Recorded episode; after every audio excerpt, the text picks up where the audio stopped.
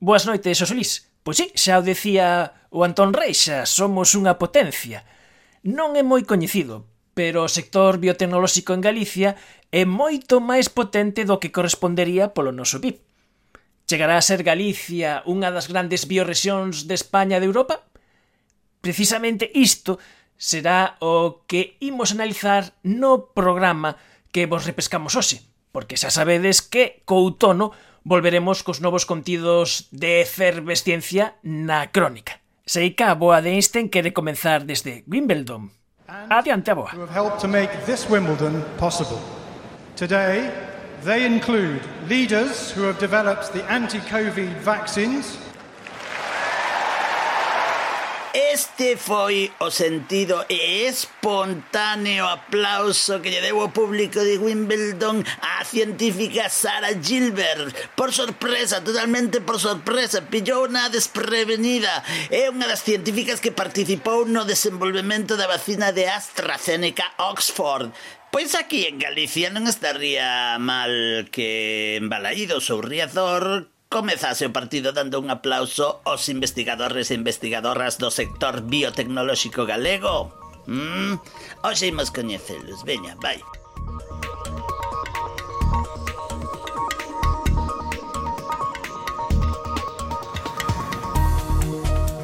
Moi boas noites, un saúdo de César Goldi e de Manuel Vicente. Somos o equipo de Efervesciencia.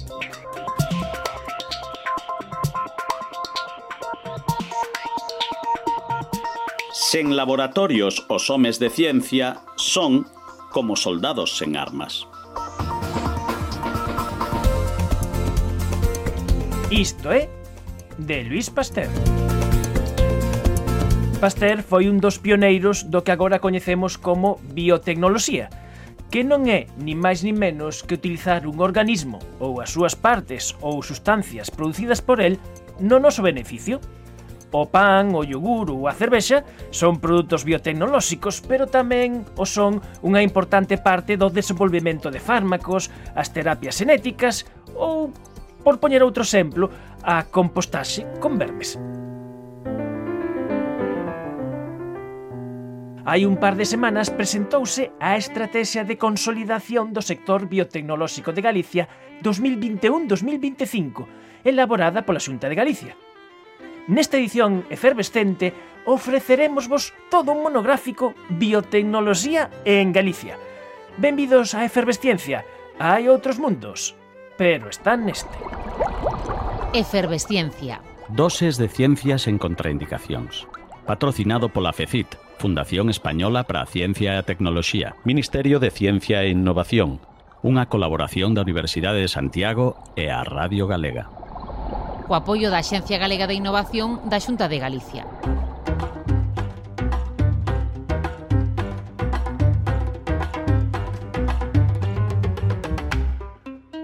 En este monográfico de biotecnoloxía en Galicia que temos esta noite en Efervesciencia, abrimos a nosa primeira mesa de convidadas.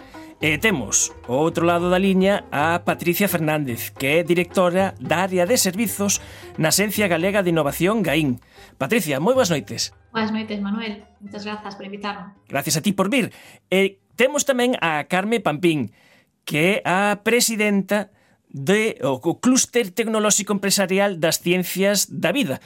Daqui en adiante chamaremoslle Bioga, o vosso nome de guerra. Así é, Manuel, boas noites. Carmen Pampín, ademais de ser a presidenta de Bioga, é a super xefa, CEO en términos modernos, de Galquimia, eh, unha empresa que fai química sintética a medida e que eu quería dicir isto Porque na nosa primeira tempada, isto xa é contar sempre as batalliñas de sempre, a nosa primeira tempada, cando éramos un programa recén estreado, estivemos por aí nas vosas instalacións vendo como como érades, isto era no 2006, incluso nos contarades dos vosos inicios, do difícil que era estar aí en Touro nunha mina e ter conexión a internet, esos tempos mm, de heroicidades, supoño que xa están pasados ou non? Bueno, pois a verdade é que un pouco sí que están pasados, pero por outro lado segue habendo retos e neste caso agora que mencionas o do teléfono eh, estamos recén trasladados a novas instalacións no novo Parque Empresarial de Touro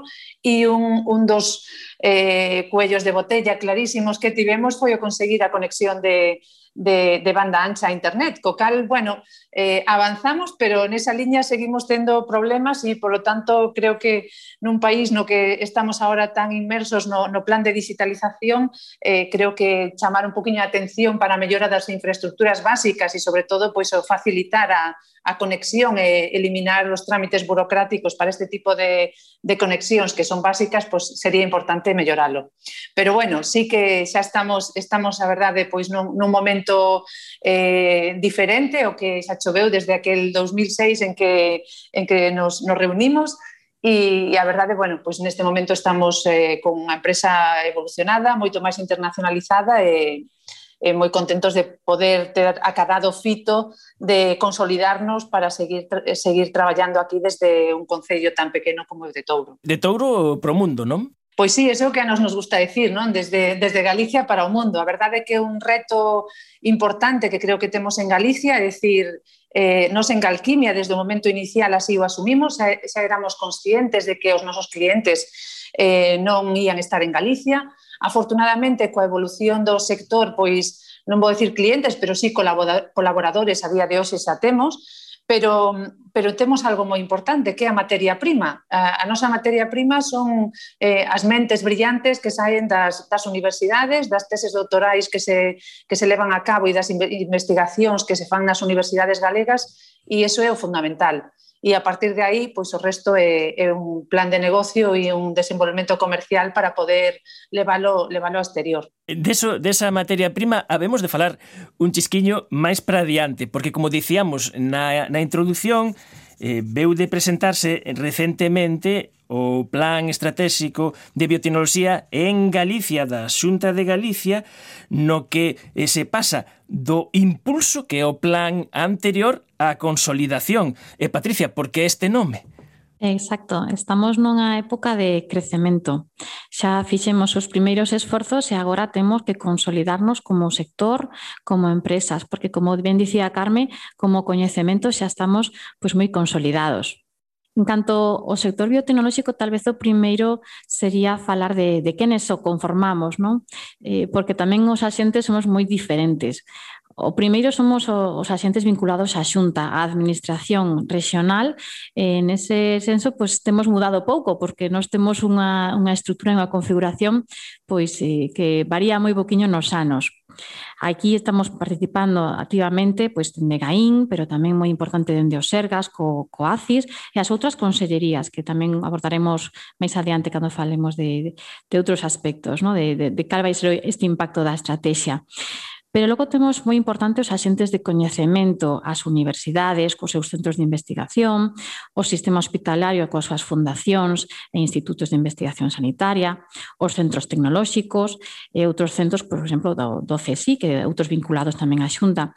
Eh, estes centros, os organismos de coñecemento, nos últimos anos evolucionaron no senso de que teñen crecido, teñen constituído novas infraestructuras, pois por exemplo na USC constituíse o Centro de Biomedicina Experimental, que é o CEVEGA, eh, teñen afondado no seu, na súa investigación para consolidarse non solamente en Galicia, senón tamén como centros de referencia. Non? Eh, esta semana pues, estaban no CIMOS e no CICUS pues, eh, representantes do goberno, eh, con boas noticias precisamente para o sector biotecnolóxico. Eh, en estes novos axentes, pois, nos tamén temos apoiado dende a administración, pois, constituindo o, o Hub de Innovación Digital que é o, o Data Life e as aceleradoras da, das Business Factories Food e a Business Factories Medicines. Sí eh, o xente máis máis dinámico, penso eu no sector, a ver que opina Carmen, pois eu diría que nos últimos cinco anos foron as empresas, non? que realmente son os que teñen o, o potencial de catalizar este sector a esa consolidación que comentamos nos últimos cinco anos temos case duplicado as empresas, pasamos de 61 a 127 empresas, e tamén prácticamente duplicaron a súa facturación, de, os 200 millóns de euros a, a máis de 400. Eh, tamén xeraron empleo, emprego, non? iso é moi importante para todos, como, como cidadáns principalmente, xeraronse 500 novos eh, empregos no sector. Así que ten mudado e o que queremos nesa consolidación é precisamente afianzar as empresas para que crezan e que pasemos de ter moitas pequeniñas empresas a ter moitas medianas empresas e a atraer a grandes empresas. E, que, e por que non as nosas spin-offs, as nosas novas empresiñas galegas que convertanse neses eh, empresas gacelas, empresas unicornios que chamanlle tamén en, en Europa, no? que temos ese potencial, como ben dicía Carmen o sector da biotecnoloxía en Galicia eh, moitas veces compárase con un ecosistema e si é certo que aí hai unha rede con moitos nodos con papeles e eh, misións eh, diferentes pero complementarias e, e se nos centramos no mundo das empresas aí está a trasectoria de Bioga, esa que falamos desta trasectoria dos últimos anos, dos últimos cinco anos, por exemplo, eh, como cambiou Bioga nestes últimos tempos? Bueno, pois pues mira, Bioga, eh, quizás podemos retrotraernos os inicios que foron hai dez anos, e hai dez anos Bioga constituíse con tres empresas. Tres empresas que, que era o mínimo que se necesitaba para a creación dunha asociación empresarial, que, que é a modalidade xurídica, digamos, que temos no clúster, E a partir de aí eh, houve un crecemento, bueno, pois, pois moi importante. É dicir, a día de hoxe, eh, Bioga non só polo tamaño e polas empresas que representamos e, e a institucións, porque Bioga como clúster non só acolle a empresas, sino tamén aos centros de coñecemento, eh, aos organismos intermedios, a, a centros de investigación tanto públicos como privados e o cambio foi sustancial e o que quere decir o importante non é que sexa o cambio de bioga, sino que bioga é o reflexo do cambio que se está vivindo no, no ecosistema, que se está vivindo no sector biotec en Galicia. Na actualidade en Bioga contamos con 71 socios. A, eh, a tipoloxía de empresas que forman parte de Bioga eh, por centrarme nas empresas, porque despois eh, dentro deses 71 socios están pois, as tres universidades galegas, está, está Oasis, están bueno, centros tecnolóxicos, pero na parte de empresas eh, contamos con, con a parte moi importante de microempresas, micropemes, que son as empresas que, que xorden cada ano nos nosos sistemas de, de emprendemento. Non? Realmente, eh, Asociación Nacional de Biotecnoloxía nos posiciona como segunda biorrexión eh, emprendedora a nivel nacional e iso estáse constatando nos últimos anos de forma sistemática. Eso quere decir que cada ano se están creando en Galicia eh, eh, novas empresas baseadas no, no coñecemento. Esa é un, unha parte moi importante do, do, das empresas que forman parte de Bioga. Despois tamén temos empresas xa pois, con unha trayectoria un poquinho máis amplia, como pode ser pois, de Galquimia ou empresas que, que xurdiron o aveiro do primeiro programa de emprendemento da Universidade de Santiago, como pois AMS Lab, como Nanogap, empresas como Nanoimmunotec na Universidade de Vigo. Bueno, empresas xa con unha certa trayectoria. E despois tamén temos eh, empresas eh, pois, pois de, de un tamaño importante, como son Lonza e como, como é o Grupo Zendal, non? que son, digamos, as, as empresas para nós un pouco de, de referencia. Pero en Bioga, eh, digamos que a biotecnoloxía non está só centrada na saúde, temos todas as áreas e todas as ramas da, da biotecnoloxía. E, e, bueno, e contamos con empresas do, do agroalimentación e unha incorporación recente moi importante que, que que, se, que, que, que, está recente, polo tanto é case eh, unha iniciativa e a incorporación de Estrella Galicia eh, como socio de Bioga que tivo lugar no mes pasado e que este, esta semana na, nova, na renovación da xunta directiva se sumou a, a xunta directiva asumindo a vicepresidencia de Bioga. Que, por certo, non hai nada máis biotecnolóxico que fabricar cervexa, vamos a dicir... Eh. Por suposto, por suposto. É dicir, é a raíz da biotecnoloxía, os procesos biotecnolóxicos máis antigos obxectivos están na, na fabricación da cervexa e do viño, non? Exactamente. Vocal, eh, que estar. por eso, por eso nos faltaba aí ese puntiño, non? Entón, bueno, pois pues contamos nesta, nesta nova xunta directiva que, que mantén, que, que se mantén con, coas entidades que xa había antes, pero con novas como, como Estrella Galicia e con, con Mestrelab, tamén unha empresa eh, que, que xa leva uns anos no mercado, unha empresa tamén que xurde destas eh, primeiros momentos de, de emprendemento inicial na, na Universidade de Santiago, E con isto, bueno, pues queremos un pouco reforzar e ampliar o, o espectro, non? É dicir, realmente Cremos que o sector pode ter un impacto moi importante en sectores que xa son moi importantes en Galicia, como agroalimentario, eh, que temos unha capacidade para incidir neles, para innovar e para facelos máis competitivos, E, e, bueno, e a incorporación de, de Estrella Galicia, pues esperamos que se sea a primeira de, de moitas e que nos axude tamén a, a reorientar e a, e a definir estrategias que, que potencien un pouco tamén esas colaboracións. Non? E como de competitivos somos a nivel internacional? Pois mira, eu diría que os nosos produtos, os nosos servizos compiten perfectamente a nivel internacional. A calidade que ofrecemos podese medir cos nosos homólogos europeos ou, ou americanos. E, e además temos unha ventaxa que, que, que, que que, que investigar en Galicia, que traballar en Galicia, pois os costes da vida son, son moi diferentes aos que pode haber noutros países. Non? E isto é un valor que temos e que, e que deberíamos de, de, de poder aproveitar eh, e sacarlle moitísimo máis partido. Parécenos a veces quizás o, o, a debilidade que temos é que nos vendemos pouco. Non sei se é algo que levamos os galegos no ADN, que non nos gusta moito presumir, Eh? Eh, e creo que a veces temos que presumir un pouquiño máis porque realmente cando saímos afora e nos comparamos con empresas eh, de outros países que parecen punteiras e cando escarbas un pouquiño máis dis, bueno, pois, pois sí, está ben, pero esta calidade tamén a temos en Galicia, sen ninguna dúbida. Entón, por eso, desde Bioga incidimos moito en que realmente eh, a parte que nos queda por traballar e por mellorar é esa parte de comercialización, de externalización. E é importante que falemos de internacionalización porque no, no sector biotech, eu creo que prácticamente en todos, pero sobre todo o sector biotech, os produtos e os servicios que saen sí ou sí son globais teñen que ser así, é dicir, non, non podemos pensar en empresas que, que simplemente eh, subsistan co mercado regional ou nacional, ten que ser un mercado internacional. Entón é moi importante eh, dotar as, as empresas de mecanismos, de axudas, de, de talento que axuden esa, nesa externalización. Pero cumplimos, vamos, sin, sin dúbida, eh, vamos, cos criterios de, de calidade podemos competir perfectamente cos nosos homólogos europeos. Eu destacaría, eh, antes de, de facer a miña opinión de fortalezas e debilidades, que cando falamos de Nova York, ninguén pensa que están nun recuncho, nin que están eh, illados non do resto do mundo. E nós estamos confrontados con Nova York.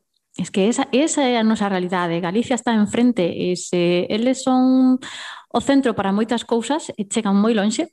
Nós non temos que ter ningún tipo de complexo, non? A, a humildade galega non está reñida co, co orgullo do que facemos, porque facemos tamén moitas cousas ben, non? Eh, moitas veces cando viaxamos é o que aprendemos tamén, no que as nosas debilidades pois, son comuns a moitos outros sitios, eh, as nosas capacidades e moitas veces as, as barreiras que nos poñemos no? para, para chegar lonxe. Pero falando xa en concreto da, das capacidades que temos no sector, eu destacaría dúas, dúas cousas moi boas, no que xa temos dito. Por un lado, a nosa capacidade de investigación, eh, que se reflicte precisamente logo no talento que somos capaces de de, de ter para levar a cabo moitas das cousas que se propoñen no ámbito de investigación, pero leválo logo ao mercado, e, e tamén a cooperación, porque iso é, esa é unha das fortalezas que temos en xeral na innovación galega, e o que nos está facendo que sobrevivamos a moitos dos, dos ataques que temos no, no mundo, no? porque o mundo complexo, as distintas crisis que temos sufrido, pero a cooperación entre os axentes, universidades, centros, empresas, PEMES grandes, é o que nos está facendo que que saiamos e que, se, que teñamos moitas oportunidades. E como, como aspectos que teñamos que mellorar, pois tamén o dixo tamén Carmen, no? pois esa capacidade de mm, crecer as empresas, de ter visión comercial, de, de, de solucionar os posibles problemas que teñamos, por exemplo, pois, en logística? De, de que teñamos unha mente moi comercial e de xestión de empresas con potencial. A visión e a cultura da empresa é moi importante. Se a dirección eh, ten a visión de que se pode chegar lonxe, de que se pode falar e sentarse a traballar cunha gran empresa, por exemplo, do sector saúde, pois a empresa vai no facer. Eh, na xestión de empresas temos que que crees que podemos facelo e por pues, as, a formación que precisemos e os contactos que precisemos, no? cooperando moitas veces tamén. No plan falase de hibridación, entendo que vai precisamente por aí, non? Por eh, xuntar eses, eh, eses esforzos, non? Pois mira, no, no ámbito da hibridación, como dicías ti antes, no? a situación de pandemia puxo a biotecnoloxía a todos como no ámbito de comprender que hai biotecnoloxía. E comprendemos agora mesmo todos moi ben que a biotecnoloxía son esas vacinas, que son os antibióticos, que son os medicamentos que tomamos E esa é unha parte, é unha pata. A biotecnoloxía é sanidade, é saúde, pero que a biotecnoloxía son moitas máis cousas. Non? E cando falamos de hibridación, precisamente falamos desas outras cousiñas nas que podemos facer moitos avances, porque a biotecnoloxía ten aplicación á agroganadería, no sector forestal, no aproveitamento dos recursos mariños, na economía circular, na bioenerxía, E por por un, uns cantos exemplos, no? porque a xente pode comprenderlo moito mellor. Cando sustituíronos as bolsas de plástico, empezamos a ver eh, bolsas de patacas ou de outras orixes, no? e falábamos de bioplásticos. Agora sí que todos comprendemos que a biotecnoloxía está nos produtos que consumimos no? directamente. E comprendemos xa os biomateriais, que moitas das, das, das cousas que temos xurden a partir de recursos mariños ou de aproveitamento de residuos de outras, de outras industrias. Aquí en Galicia temos empresas de, de quesos e da industria láctea que empregan o, o suero, o soro lácteo para non somente para facer eh, utilidades de ingredientes funcionais que logo incorporan noutros alimentos, pero tamén, por que non, para facer alimentos para, para ganadería, por exemplo. Aí falamos de hibridación grazas a, a biotecnoloxía. E tamén falamos de valorizar a biomasa, non? por exemplo, de fertilizantes, agora mesmo a industria de fertilizantes que ata agora era mm, química, porque pues, era máis económico, evidentemente, agora teñen que facer biofertilizantes, non? Está na cosmética que empregamos. Entón, cada vez que escoitemos a palabra bio, temos que pensar que a, a nosa biotecnoloxía, a de Galicia tamén. Eh, a saúde, pois é moi importante, temos moitísimo potencial, pero tamén son máis cousas. E aí, eu penso que é onde radica o potencial de que en Galicia sexamos 127 empresas e podamos ser pois, 200 máis. É porque o resto da industria e o resto dos sectores tamén primarios collan a biotecnoloxía e a poñan na, na súa primeira palabra dentro da visión da empresa tamén, non? Necesito con urgencia transfusión de. E, e falabas eh, do tema do financiamento dos cartos, porque, bueno, facer plans eh, podense facer, pero que normalmente se di, bueno, vale, plans, eh, cale o respaldo económico deses plans, que, que, que supón eses plans eh, como se vai artellar e que mecanismos hai entre eles eh, un do que xa temos aquí falado nalgún momento en efervesciencia que ten a administración galega neso é pioneira que é a compra pública innovadora. Pois mira, o financiamento do plan conta con máis de 430 millóns de euros que se porán dende o ámbito público. E con isto queremos, ademais, eh, facer panca con máis de 230 millóns de financiamento privado. Vale, en total, máis de 600 millóns de euros no que se vertebra esta estrategia de biotecnoloxía, que aquí participamos todos, é dicir, estamos todas as consellerías da Xunta porque o que comentábamos antes, a, biotecnoloxía é híbrida e transversal eh, e temos que integrar pois, a, a, os departamentos dos Sergas, do ACIS, coa Compra Pública Innovadora, por, por exemplo, pero tamén a Consellería de Mar e a outras unidades, por suposto. No ámbito da compra pública innovadora, para, bueno, se, se non os coñecedes, pois é un instrumento que o que nos permite a administración administración pública é facer compras nun ámbito legal máis flexible para poder comprar as cousas que aínda non están validadas no mercado. É dicir, esa I máis D que sexamos nós os que axudamos a desenvolvela, a testala e a validala para que logo poida ser comercializada. É dicir que neste caso a administración ten unha necesidade e lanza eh, as empresas, dicir, necesitamos que alguén cubra esta necesidade que para eso implica desenvolver eh, novos produtos, novos servizos, eh, se o faz, nos te apoyamos e eh, eh, isto que, que acabas de producir, algo que todavía non está desenvolto, co cal eh, axudas a dar ese pulo final para que produtos e servizos podan chegar eh, ao mercado. Eh, Esa exacto, sería a idea. Sí. Ata as dúas patas, ao que as primeiras definición de produtos novidosos que aínda non non existen, pero tamén naqueles que o que precisan é validalo nun entorno pois real, neste caso porque o posible usuario, o principal usuario pode ser a administración pública. Eh, tamén estáse traballando dende os Sergas para que non solamente sexamos os validadoras de novas tecnoloxías, senón que eses primeiros produtos que se xeneran ou servizos que podamos evolucionar e seguir comprándoos, que é pois, unha das, dos, das trabas as ou barreiras que temos na administración pública porque temos que facer todo vía licitacións. Pero cando se trate de produtos novidosos, tener un camiño, unha, unha autovía rápida non para seguir traballando en produtos máis tecnolóxicos. Eh, bueno, conseguimos ese objetivo, ese gran objetivo de que eh, esa consolidación desa eh, biorrexión galega eh, que sexa xa unha marca galega como outras que hai, non só gastronomía, por decir outras? Pois pues esperemos que sí, esperemos que tertulias como a de hoxe tamén axuden a, a esta labor, non? Creo que é importante dar a coñecer a sociedade e tamén eh, despertar vocacións cando empezamos a esta tertulia falando de talento e, e, e isto podémoslo rematar falando de talento tamén. É importante que, que os novos titulados e tituladas saiban das saídas profesionais que ten a biotecnoloxía nas diferentes ramas, non? Eh, e iso é unha labor que temos e que, bueno, na, na estrategia de consolidación tamén hai un apartado para para seguir traballando na visibilización. É moi importante, o que non se coñece non, non se valora e, e non existe, basicamente, non podemoslo decir así entre comiñas. Estivemos a falar esta noite con Patricia Fernández, que é directora da área de servicios na Axencia Galega de Innovación, o GAIN. Eh, moi boas noites, Patricia, grazas por nos acompañar. Pois a vos eh, agardamos que estas mensaxes da biotecnoloxía en Galicia pois, surdan efecto e que creamos no noso potencial e na realidade que é hoxe en día o sector. Non? Eh, Carme Pampín, que é presidenta de Bioga e CEO de Galquimia. Moitas grazas e eh, tamén un saúdo, unha aperta moi grande ás dúas. Pois gracias a ti, Manuel, un placer acompañarvos. Efervesciencia, ciencia, ciencia, ciencia, ciencia, efervesciencia,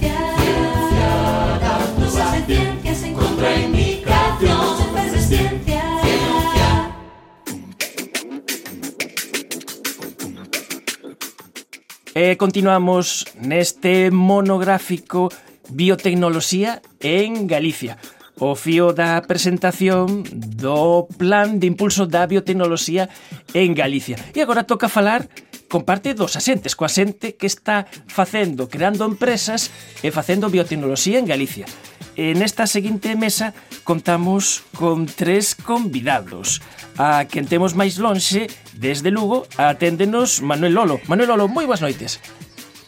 Moi boas noites a todos. Manuel Lolo é, eh, eh, digamos, aquí en terminoloxía, en terminoloxía empresarial é o xefazo de AMS Labs, bueno, hai outra palabra inglesa que a mí me gusta menos, de AMS Labs, que é unha empresa que xa levades metidos nestas lías máis de 14 anos empezando eh, prestando servicios de, eh, de análisis, de, de, de analíticas, de, non de analíticas de, de, de sangue nestas cousas, senón de servicios de, de análisis químicas, pero foi unha empresa que foi medrando e absorbendo outras empresas e outras liñas de negocio. Comezamos no ano 2008, eh, foi unha decisión de, pois, nunca se sabe nestos casos, no? de eh, de alto risco, pois eh, crearon a empresa xusto cando empezaba a crise financiera do, do ano 2008-2009.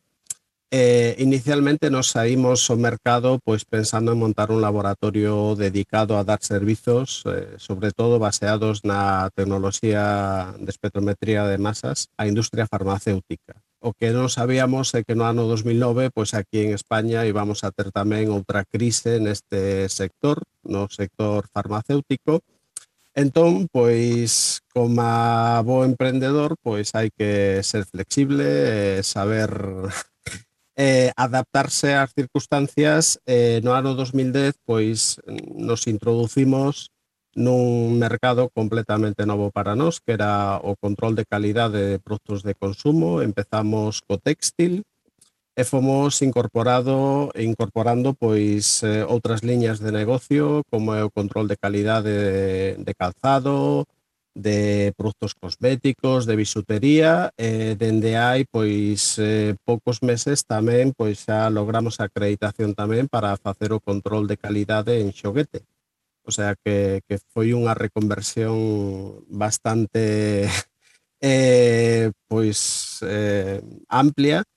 E a partir de aí, como ben dixeches, pois incorporamos outras empresas, a Xenotex, que se dedica a facer eh, desarrollos para análisis xenéticos baseados eh, sobre todo en PCR, que neste momento todo o mundo creo que xa coñece a técnica, ao final pois eh, tamén incorporamos a CIFGA que, que é unha empresa biotecnolóxica que naceu aquí en Lugo no eido da universidade e inicialmente producimos toxinas eh, mariñas as toxinas que dá lugar a eses peches que todo o mundo ve na prensa a marea cando non se pode comer o mexilón, etcétera pois nós o que facemos é cultivar esas algas, microalgas, cianobacterias no, no laboratorio e a partir desos cultivos extraemos as toxinas que despois van a utilizar laboratorios para o control deses eh, alimentos, non? para poderlos introducir no mercado dun xeito seguro.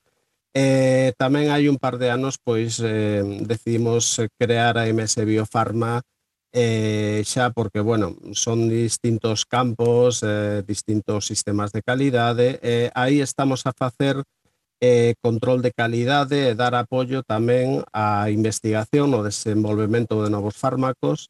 Eh, digamos que Biofarma, MS Biofarma, sobre todo, queremos estar enfocados ao control de produtos biolóxicos. estamos agora mesmo pois en, en proceso de, de certificación coas normas de boas prácticas de laboratorio, pero temos xa todo montado e eh, estamos traballando para clientes para o control, sobre todo anticorpos, que tamén é outra das palabras que acabamos escoitando moito nesta pandemia. Pois ese tipo de, de novos fármacos que seguro que Juan sabe moito máis que a min, E, e bueno, nos intentamos aí axudar pois tamén ca nosa tecnoloxía, pois o que eles van necesitando nese, nesa investigación. Menos mal que tedes a vosa base o voso laboratorio en Lugo, porque senón a próxima vez que haxa unha marea vermella e pechen os polígonos das bateas, van dicir que foi unha fuga do voso laboratorio que creastes as toxinas artificialmente e que por iso se pechan as bateas. Non digo máis, bueno, queda así a cousa. O comentario. E xa adiantaches o noso seguinte convidado, e falaches de palabra clave, e anticorpos. Os, os anticorpos, que son esas defensas que nos defenden, que seramos naturalmente no noso corpo, pero tamén se poden producir moi especificamente de xeito eh, no laboratorio e agora sabemos que eses anticorpos poden axudar a loitar contra algo que antes non sabíamos que se podía, que era o cancro, esa inmunoterapia contra cancro. Juan Buela, moi boas noites. Moi boas noites, Manuel. Moitas gracias por invitarme. Pois sí, eh, esa foi a idea, ou esa é a idea que está detrás de Sunrock. Eh, fai uns seis, sete anos, eh, nos viñ, viñamos do, do mundo do diagnóstico e eh, vimos que no tratamento do cancro había un, unha grande necesidade sobre todo en aqueles cancros que, que o tiñan mal pronóstico ou non tiñan un tratamento específico.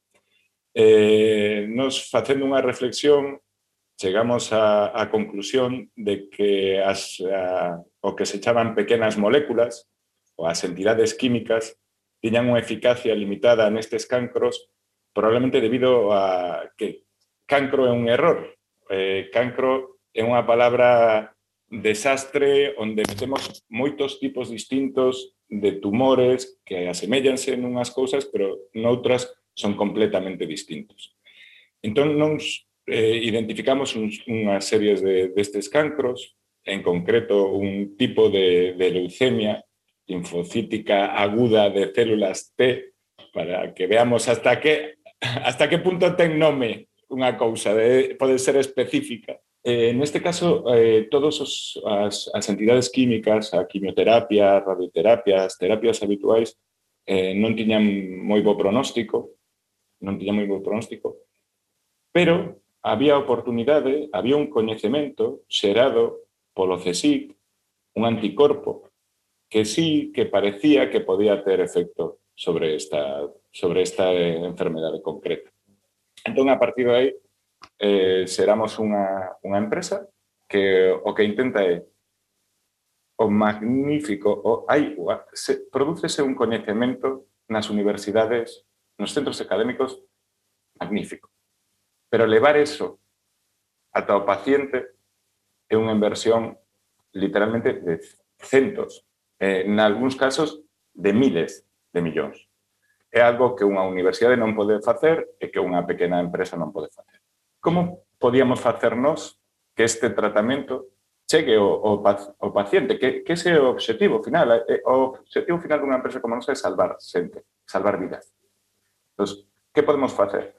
Entonces, nosotros que pensamos, eh, nos podemos ser capaces de coger este conocimiento que está en la universidad, industrializarlo, convertirlo en, en algo que cumple uns estándares que son os que a industria farmacéutica reclama, con eses estándares completar a primeira fase en humanos, en ese momento licencialo, pasalo a unha gran farma que é o que vai facer a segunda, a terceira e vai levar ao mercado americano. E se dicíamos que Manuel Lolo, AMS Labs, estaba en Lugo, Juan Buela está en Santiago de, de Compostela, e Eh, bueno, Santiago de Compostela, ainda que a empresa inicialmente empezou no País Vasco, pero rapidamente anda por aquí, e a nosa terceira convidada eh, tamén está en Santiago, é eh, Sonia Martínez Arca. Antes eh, falábamos de San Rock, o dixo aí Juan así polo aire, e agora falamos de Celtaris, unha presa tan noviña como que apenas ten tres meses. Moi boas noites, Sonia. Hola, boas noites. Sí. A vosa presa a vosa empresa, eh, vou, vou facer, es que mo poñedes así moi rapidamente, eh, non é unha iluminación, pero sí ilumina. pois sí, sí, porque a nosa empresa o que fai é desenvolver eh, ferramentas químicas que se usan precisamente neste proceso do que antes falaba Manuel e Juan, que tan longo, tan custoso, tan complicado de facer que é descubrir un novo fármaco, non? desde as etapas máis iniciais de descubrimento ata que chega ao paciente. Nos centrámonos nesas etapas máis iniciais de investigación, de descubrimento de novas moléculas que poden axudar eh, a, a curar eh, enfermidades e facémolo aplicando unha tecnoloxía de conxugación química eh, que permite eh, aplicar a fluorescencia. A fluorescencia é unha propiedade natural moi rara, moi pouco abundante, pero que se lle pode, eh, digamos, otorgar a unha molécula, se lle conxugas químicamente no laboratorio un componente que, cando se excita unha determinada longitude de onda, emite luz.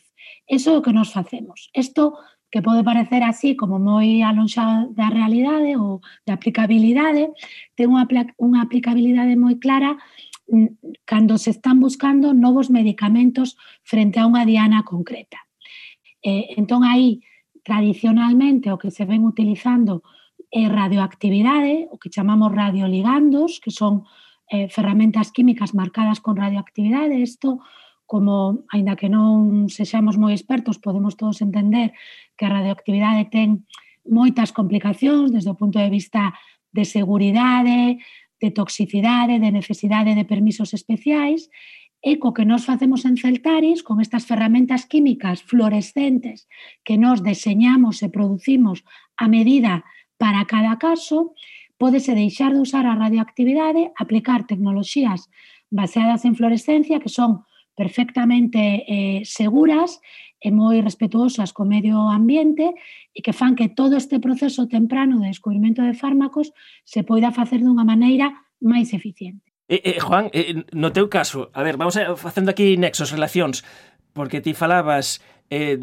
esa base do CICUS, con Juan nos iríamos ao CIMUS, os centros singulares da Universidade de Santiago, e falabas esa historia que na vosa eh, concepción da vosa empresa mm, estades na filosofía que, bueno, nos libros queda moi bien de innovación aberta, uh -huh. que quere dicir que cada un fai o que sabe facer e pon contactos esas cousas, pero eso na práctica A, a existe e B, eh, xa estades na fase esa na que decides, bueno, que chegamos a esa gran mm, empresa que dá o seguinte paso? Onde estades? Eh, o primeiro, sí, sí existe, eh, como dicía aquel, o movimento demostrase andando, e eh, nos hemos chegado hasta aquí cun equipo eh, que en toda empresa somos cinco persoas todo non temos laboratorios, que é unha cousa que a xente, pero como pode ser unha empresa biotecnológica e non ten A ver, a ver, sí, sí, eh, eh, tens que explicar isto ben, tens que explicar isto ben, porque claro, Manuel Lolo, vos cantos sodes? Ah, nos pois cerca de 80 persoas, máis ou menos. Vale, vale, seríamos PEME e vos seríades unha micropeme, pero a ver, unha micropeme aí super especial, a ver, sigue contando, Juan. A ver, a, a cuestión, eh, cando nos fixemos a reflexión de, de, de, de por que eh, non chegaba en eses medicamentos o, o paciente. Eh, dímonos conta que un dos, gran, un dos grandes problemas é a enorme estructura que ten unha empresa farmacéutica, que eso, un, limita que, pro, que, proye, que proxecto podo facer. Ten, ten que ser un proxecto o suficientemente grande para que eu teña toda esta xente traballando nel ese, ese xa rentable final, con, con lo cual irá a pequeños nichos, como pode ser esta de leucemia tan específica, non é un negocio para unha super gran farma nos primeiros pasos. E segundo que víamos é, fai falla unha inversión enorme en persoal, en instalacións, en dinero. O que fixemos foi o seguinte, nós temos un equipo de científicos, de managers, que o que fai é pensar, é decidir. Se un experimento ten que facerse, non ten por que facerse nas túas propias instalacións. De feito, probablemente o maior especialista que haya nese campo concreto, facendo ese experimento concreto, se é alguén que, nin, que nunca vas a poder contratar, porque é profesor na Universidade de Santiago de Compostela ou na de Harvard. Pero en cambio, sí o, sí o podes contratar. Sí lle podes pedir que faga un experimento seguindo as pautas que ti queres. Entón, nós o que facemos é contratar o mellor especialista para de cada experimento para que o faga. Cando o fai, todos os resultados volven a Sunrock e ali o noso equipo analízaos e decide o seguinte paso debería ser este. Ben, quen é o mellor facendo ese paso? Entón pode ser unha empresa privada, pode ser un centro dende Estados Unidos, Alemania, España, da igual contrátase e fai, non? Eu estou vendo aquí a San Rock aquí como un poder na sombra, como o, o, o, o de eh, Inspector Gadget esa mano que se ve aí que acariciando un gato e movendo os fíos de, de mm, como se chama? O autor intelectual eh, das, das investigacións e eh, que movedes os fíos por todo o mundo para precisamente con esa estrutura tan pequena e tan liviana poder facer esa, esa innovación. A verdade que eh, para min sorpréndeme este sistema de funcionar e, e a verdade é que sí que é moi interesante saber esas cousas. Pero seguimos facendo nesos e, e, e fíos, porque se no bloque anterior falábamos, claro, no plan estratégico de biotecnoloxía falábase de hibridación e cousas así, que parecía un concepto como moi um, bueno, o mellor etéreo, non? Dicir esas colaboracións entre todos os axentes do sistema, esas cousas. E logo vendo os nesos e ves que aquí estades todos relacionados, porque, a ver, Sonia, esta non é a primeira spin-off na, na que te na que te lanzas, e tamén estiveches en outra que é eh, eh, Sigilo Knowledge Solutions, que firmou un acordo de colaboración con AMS Labs. Entonces aquí temos aquí tamén temos conexións, temos un nexo. E además, que unha empresa se chame Sigilum, a ver, non sei se é eh, unha cousa que quer dicir que, que tamén segredos, eh, discreción, quizáis, ou non sei se unha alusión o lema da Universidade de, de Santiago de Compostela. É, é a segunda opción, é unha alusión ao lema de, da universidade e deste como sello sello de, de garantía ou sello de calidade. Si, sí, efectivamente, eu xa non estou cun posto executivo en Sigilum, Knowledge Solutions, pero son, son todavía parte dos fundadores, xunto con Manuel Lolo, e penso que todo isto finalmente o que mostra é que nun entorno tan pequeno como Galicia o ecosistema está de verdad colaborando en, entre nós. Eh, eh, si, si necesitamos a un experto nun ámbito concreto e o podemos atopar eh, aquí ao lado, imos contar con el. Eh, hai, hai moitas posibilidades de colaboración a veces entre empresas que aparentemente non, non teñen un fío conductor, pero que cando te sentas a falar con eles, bueno, pois eso, atopas esas sinerxias posibles. Eh, a MS Lab nese sentido ten unha, un abano de, de expertise e de aplicacións tan amplio que penso que lle permite colaborar con moitas outras empresas. Espero que desde Celtaris tamén colaboremos con, con a MS Lab e con San Rock.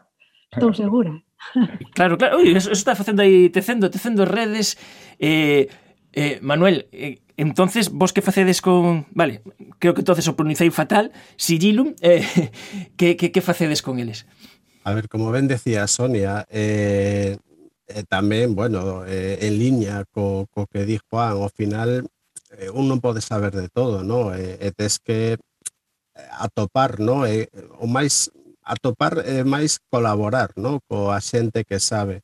Entón, para nós, por exemplo, nos, nos apoyamos en, en Sigilum, sobre todo con certos clientes en donde hai un traballo moi importante, moi intenso, por exemplo, relacionado co tema da legislación. Eh, Sigilum ten expertos en produto, pero tamén expertos en que ten que cumprir ese produto para poñelo no mercado, no? Eh, ese asesoramento eh, moitas veces non lo requiren os nosos clientes e eh, nos, evidentemente, non somos especialistas niso, ¿no? Entón, colaboramos deste xeito, vendo en posibilidades de mercado, moitas veces, sobre todo onde hai un tempo, ¿no? Os clientes non demandan un análise e xa está, é dicir, intercambiamos un papel, senón que cada vez máis os clientes demandan unha maior interacción con nós, eh, que os asesores, eh, que poidas compartir certa información, entón, nese, nese senso, eu creo que, que a colaboración con Sigilum para nós nos aporta eh, o cerrar o círculo nese sentido dun servizo global no cal lle faz analítica ao cliente pero se hai un problema, se o cliente non entende os resultados, podamos tamén darlle un apoio científico e o máis importante eu creo que é traducirlo a ese cliente porque moitas veces non somos podemos ser pois, especialistas, podemos saber moito, pero claro, a, tes que intentar eh, traducir ¿no? e trasladar esa información pois a, a, ao mellor no noso caso, pois a un fabricante pois de cosmético, de calzado ou de, de textil en donde el lle sale un resultado, pero non ten por que saber que molécula, cal é o problema, de onde me ven. Ese tipo de, de relacións, eu creo que neste caso foi moi moi importante para nós eh, e os están valorando tamén os clientes. Estamos vendo como Ah, os nexos que se, que se tecen entre o sector biotecnolóxico galego. E na presentación da estrategia do sector biotecnolóxico galego pros próximos vindeiros cinco anos que ten Arela de consolidar esa biorrexión, pois na presentación falou tamén a Asociación Española de Bioempresas, que é a SEBIO. E falaba tamén de diferentes liñas estratégicas, porque a biotecnoloxía ten eh, un amplo abano de, de liñas de acción, non só a sanitaria, falábamos antes que ata unha fábrica de cervexas tamén, obviamente, ten biotecnoloxía, Pero a min chamoume moita atención que unha das liñas de, destas de, de exploración de futuro, que mellor xa é presente, biotecnoloxía, que case volver aos orixes da biotecnoloxía, é utilizar insectos.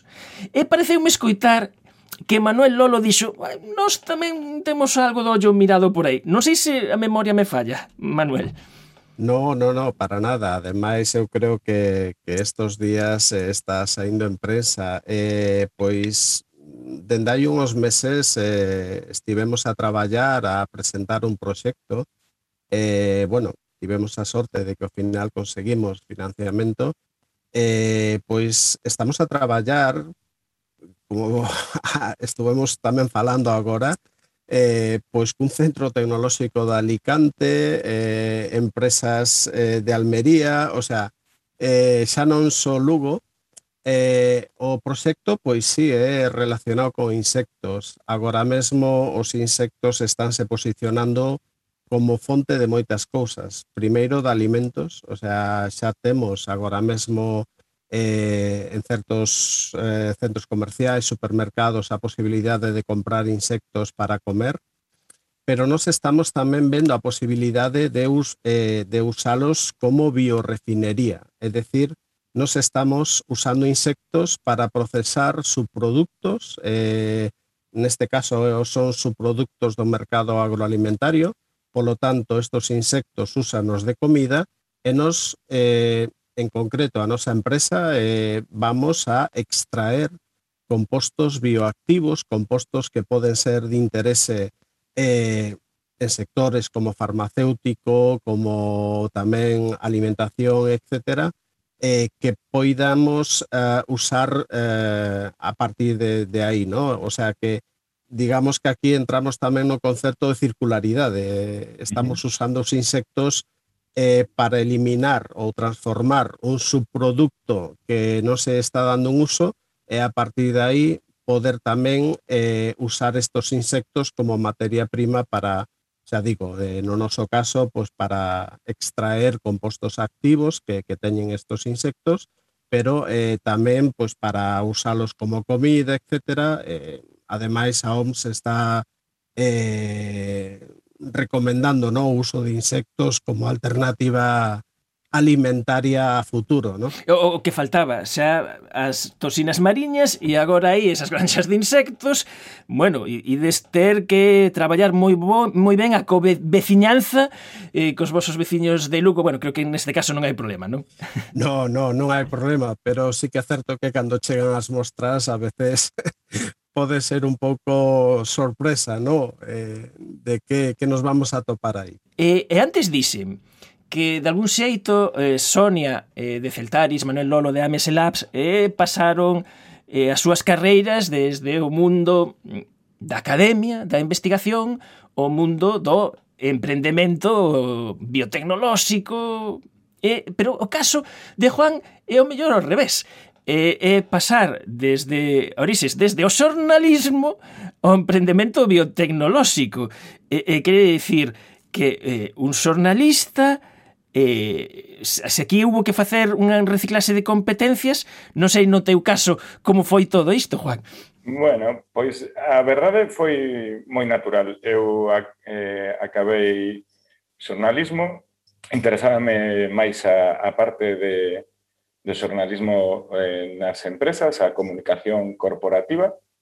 Eh, tiven a sorte de que cando eu acabei a carreira, eh, no momento en que hai unha crisis eh, bastante grande de comunicación por mor dos, eh, dos primeiros cultivos eh, transxénicos, eh, Monsanto, que cometeu o, mal, o probablemente o error máis caro da súa historia, que foi non controlar a comunicación ao principio, eh, se, houbera, se o fixera, ahora teríamos outra opinión dos transxénicos completamente distinta. Eh, a raíz de eso, tive unha oportunidade de empezar a traballar en, en pequenas eh, empresas biotecnológicas eh, e a, a enorme fortuna de que eh, o goberno vasco en nese momento lanzaba a estrategia Biobasque 2000-2010 eh, e tiven, e traballei con eles en parte de comunicación desa, desa estrategia. Eh, non sei, dunha maneira natural, de, eh, acabei traballando para unha empresa eh, moi importante de, de diagnóstico genético, que era Proxénica. Eh, non sei, unha cousa levou a outra. Ao final, moito da, o, o gran problema de moitas, eh, de moitas das empresas biotecnolóxicas é que temos que explicar o que facemos a xente temos que interesar a, a sociedade, o público, os inversores. Entón, moitas veces eh, un periodista, un xornalista estamen para eso. Non, non sei o que digo, pero o digo que o digo para que entendas, sabes? Así logo rematamos esta tertulia biotecnolóxica eh, O mellor haberá que facer máis con Bosco e con máis compañeiros Seguir tecendo esas conexións eh, que como sempre pasa o mesmo, non? Que nos levan dende a parte humana a parte científica, a parte tecnolóxica, está todo misturado. E é que fai, eu coido que é interesante poder eh, poder conversar con Bosco, eu coido que mm, esta noite foi todo luxo eh, poder contar con Sonia Martínez Arca. Moi boas noites, eh, se faza de Celtaris, ou CEO, como se di aí ahora, eh, en terminoloxía empresarial, moi boas noites. Boas noites, nada, un placer, gracias. Tamén con Juan Buela, eh, o mesmo en Biofarma, ai, perdón, en Sunrock, Bio, vamos a decir, Sunrock Biofarma, a miña, o meu inglés vai como vai. Eh, eh, moi boas noites e moitísimas grazas por nos acompañar, Juan. Boas noites, moitas gracias, Manuel.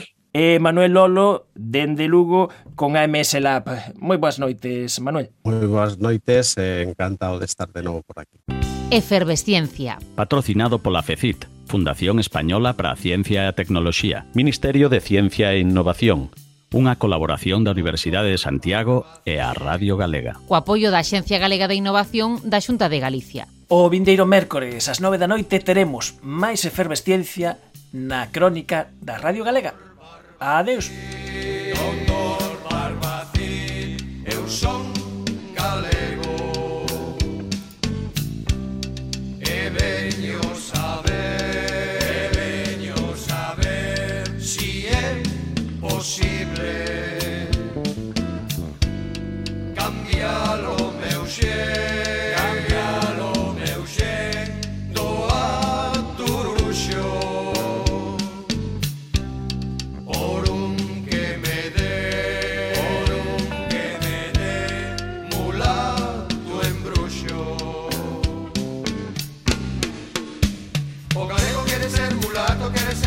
mulato, mira a ti que ven.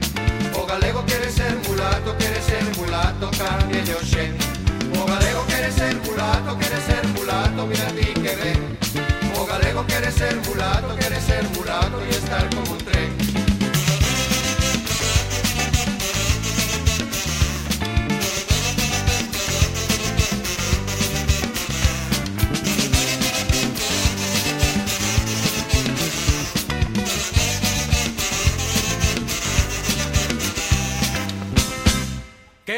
quieres ser oh galego? Mulato. ¿Qué quieres ser a galega? Mulata, chica. ¿Qué quieren ser los galegos? Mulatos. ¿Qué quieren ser las galegas?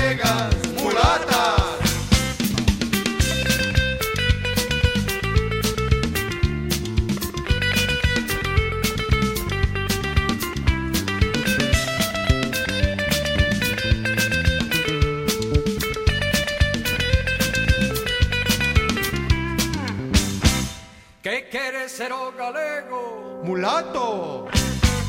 Que quere ser a galega? Mulata, chica. Que queren ser os galegos? Mulato. Que queren ser as galegas? Mulatas. Os galegos queren ser mulatos, queren ser mulatos, mira ti que ven. Os galegos queren ser mulatos, queren ser mulatos y estar como un tren. Os galegos queren ser mulatos, queren ser mulatos, mira ti que ven galegos quieren ser mulatos, bailalo merengue mejor que ninguém.